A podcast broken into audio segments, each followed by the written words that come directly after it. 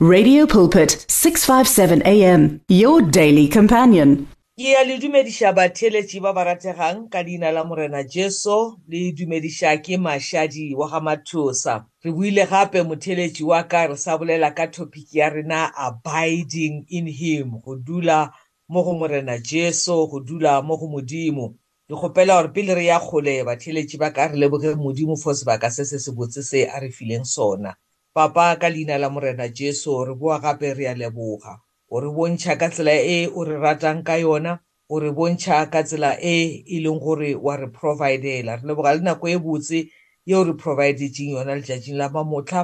o tla go a tlhatlha lentšu la gago jehofa re a go mema e tla o tlo re tlhalosetša lona ebe wena o tlo go re ruta re kgopela tsotlhe papa ka leina le le botse la morena jesu amen motheletši wa ka re bolela ka go hwa moreneng abiding in him motho wa hwileng ga a nyakase motho wa hwileng ga a tle ka menagano ya gage ga a dire di-suggestions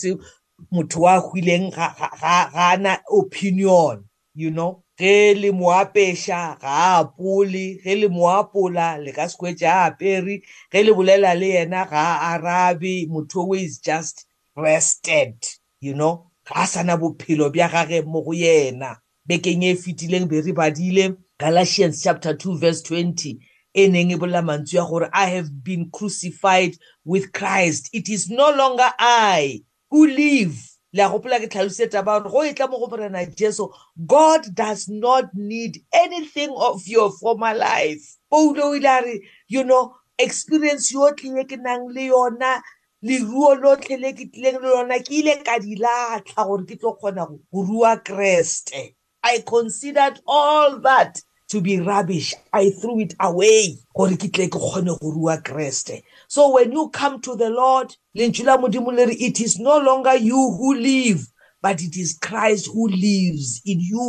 morena jesu ga a nyake competition mo go rena you know we still gonna have time to explain these things go bontšha gore go compete le modimo motheletši wa ka you know go re sabotaja in our walk with the lord you know we, we, we bring ourselves to a place where a lot of things become dysfunctional in our christian lives ge re compete le modimo ours is just to rest in him lentswe la modimo le re go tshwanelega gore rena e be le gore ga re sa phela empa go rena go phela kreste fela bophelo bo re bo phelang re thome go bo phela ka tumelo mo go yena o a tlileng a re rata so ke ilo bala gape mo go second timothy chapter 2 verse 11 bible e re if we died with him we will also live with him motheletsi wa ka ge re tlile mo go morena jesu re tletse bophelo re tletse go phela mo go morena jesu empa bophelo bjo bo leng gona mo go morena jesu re ka sekebe ra kgona go bo tseba ka botlalo ge re sa hwe mo go yena so the prerequisite for us enjoying our lives in him or fully in living our lives in him the prerequisite to fully being able to live our lives in him is to die go dula mo go morena jesu go thoma ka lehu if we died with him we will also live with him so lentswe la modimo le re our lives are hidden with christ in god go tlo kwa monate wa go fitlhiwa mo go morena jesu mo go modimo you know taba eo e thoma ka gore re tsebe go hwa moreneng re sekebe ra tlisa dilo tsa gale mo go yena you know so ke rata gore ke tlhalose gape mo tabeng ya gore the primary purpose ya polane ya modimo ya pholoso for mankind ke taba ya gore re tle re kgone go enjoya salvation mo go morena jesu mo go morena jesu there is salvation that is the primary purpose ya modimo gore a re tlose from our former life a re tlise mo go bophelong ba kreste is because there is salvation motheletši wa ka pele re tseba morena jesu phološo be re sa e fitlhelele we were still living as slaves of sin so modimo go re ntšha ka mola slavereng sa, sa, sa sebe o ne a nyaka gore re tle re kgone go fitlhelela ke phološo re tle re kgone go fitlhelela ke bophelo bja modimo o ne a nyaka gore re kgone go fitlhelela ke healing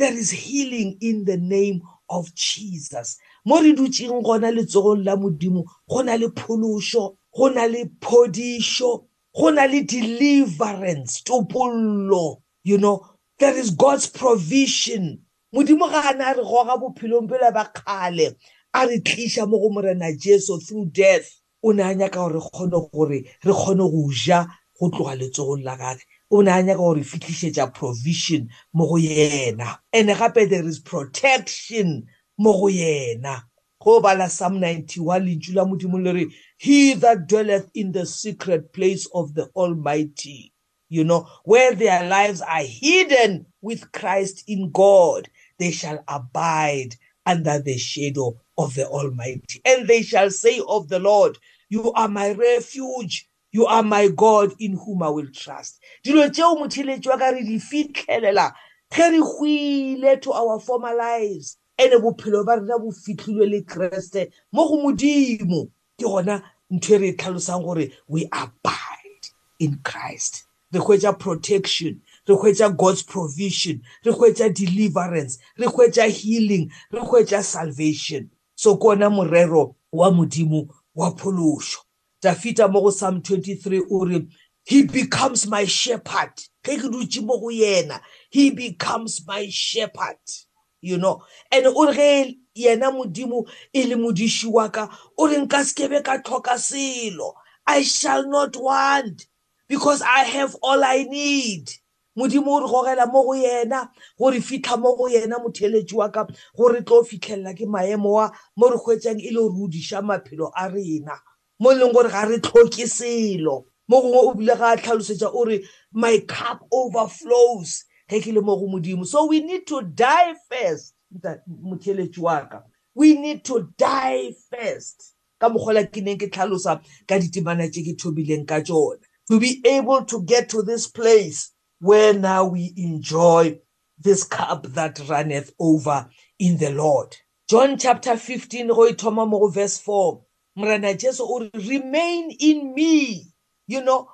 remain in me and I will remain in you. Re tshwantse gore re bale lentšu la modimo. Modimo o re go Joshua o re this word of the Lord shall not depart out of your mouth. O um mo instructor gore meditate upon it day and night so that you may be careful to do according at, as it commands. Gore o tlo ba successful. Motheletsi wa ka to be successful, to make a success of our Christian lives. these words that the Lord Jesus Christ commands us, they don't have to to to to to to to to to to, to, to be out of our mouths. That is what I want to say. John 15 verse 4 iri remain in me ke mantswe a morena Jesu o re remain in me ene ke tlhalositse go tloga mathomo gore remaining in him we first start by dying we die to self we make sure gore the things that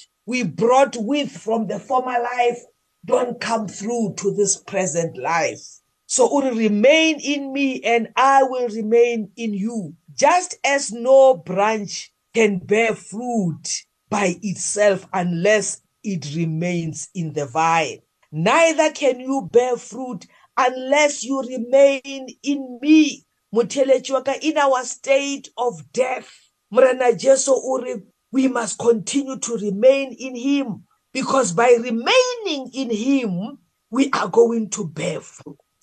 ke bophelo bo boswa yo re botshepishiwang mo go morena Jesu o re mo go verse 5 o re i am the vine and you are the branches the one who remains in me and i in him will bear much fruit for apart from me you can do nothing Verse 6 or if anyone does not remain in me, he is like a branch that is thrown away and withers. Such branches are gathered up, thrown into the fire and burned. So Mutelechiwaka, this is a promise from the Lord Jesus Christ if we choose to remain in him. He says, if we remain in him, we will bear much fruit because apart from him, we can do nothing motheletši wa ka mo re leng gona re signile gore our lives are all going to be about jesus christ our lives are going to be about jesus christ go na le scripture se re leng ra se bala ge re santsane re re tlhalosa taba ya go hwa mo moreneng mo letšu la modimo le tlhalosang gore i have been crucified with christ it is no longer i who live but Christ in me go phela Kriste mo go rena motheletsi wa ka ene mo o tlhalosa mantswe a gore ge yena a phela mo go rena ke mo reng gore to kgona go ba le dikenywa you know he says apart from me unless i live in you apart from me you can do nothing ge re gwile mo go yena ke yena ya tlo kgonang gore re kgone go ba le bophelo bo re bophelelang modimo or apart from me because you are dead or apart from me you can do nothing paulo o re bophelo bo le bonang ke bophela ga e sa le nna o ke phelang empa ke morena jesu wa phelang mo go nna that is why i keep explaining to you motheletši wa ka gore you don't need anything of your former life experience ya gago of your former life knowledge ya gago of your former life expertise ya gago of your former life you don't need it gobane kreste o tshwanetse gore a phele mo go wena mantšu a re fetšang go a bala morena jesu o bolela gore apart from me you can do nothing or if anyone does not remain in me he is like a branch that is thrown away and withers such branches are gathered up and thrown into the fire and are burned So ka mantswe a mangwe motheletši wa ka nna le wena we have been appointed to bear fruit for God. We used to bear fruit for the devil. We used to bear fruit for death. So ona jwale re tlile mo go morena Jesu we have been appointed actually let me read the scripture e tlhalosang gore we have been given appointment letters wa bona go hiriwa ko mmerekong go fiwa a job we give you an appointment letter that is signed John chapter 15 verse 16 e bolela gore you did not choose me ke mantswe a morena Jesu but I chose you and I appointed you re tshwere di appointment letters mtheletsi wa ka from the Lord Jesus Christ or you did not choose me but I chose you and I appointed you to go and bear fruit so wayibona e mtheletsi wa ka it is very important gore bophelo bja gago mo go morena jesu o bo starte anew you don't need anything of your former life paulo o re bophelo bo ke bo phelang gona jwale ga e sa le nna o ke e phelang empa ke morena jesu wa phela mo go nna and morena jesu mo go john 15 uh, eh, verse, verse 5 o re apart from me ye can do nothing you know and a bolela gape gore I chose you and appointed you to go and bear fruit. So from the previous scripture re badileng, re gona go kwisha gore for us to bear fruit is only when we abide in him because a vine, a branch cannot bear fruit unless it is connected to the vine and Jesu ore I am the vine and you are the branches The one who remains in me and I in him will bear much fruit. So the appointment letter rhetoric is for us to go and bear fruit and all the fruit that will remain so that whatever you ask the Father in my name, he will give you. So Muteleti Waka is only once you execute your duties that God also will be able to provide for you. or so that whatever you ask the father in my name he will give you nako e mpheletše motheletši wa ka a re kopaneng gape bekeng e, e, e tlang a morena wa kgotso a le tlhogonolofatše we are here 24 hours a day with the message of hope faith and love on 657 AM. Radio Pulpit understands that praying alone isn't always easy. So, join us to form a chain of prayer for you and with you. To do so, send in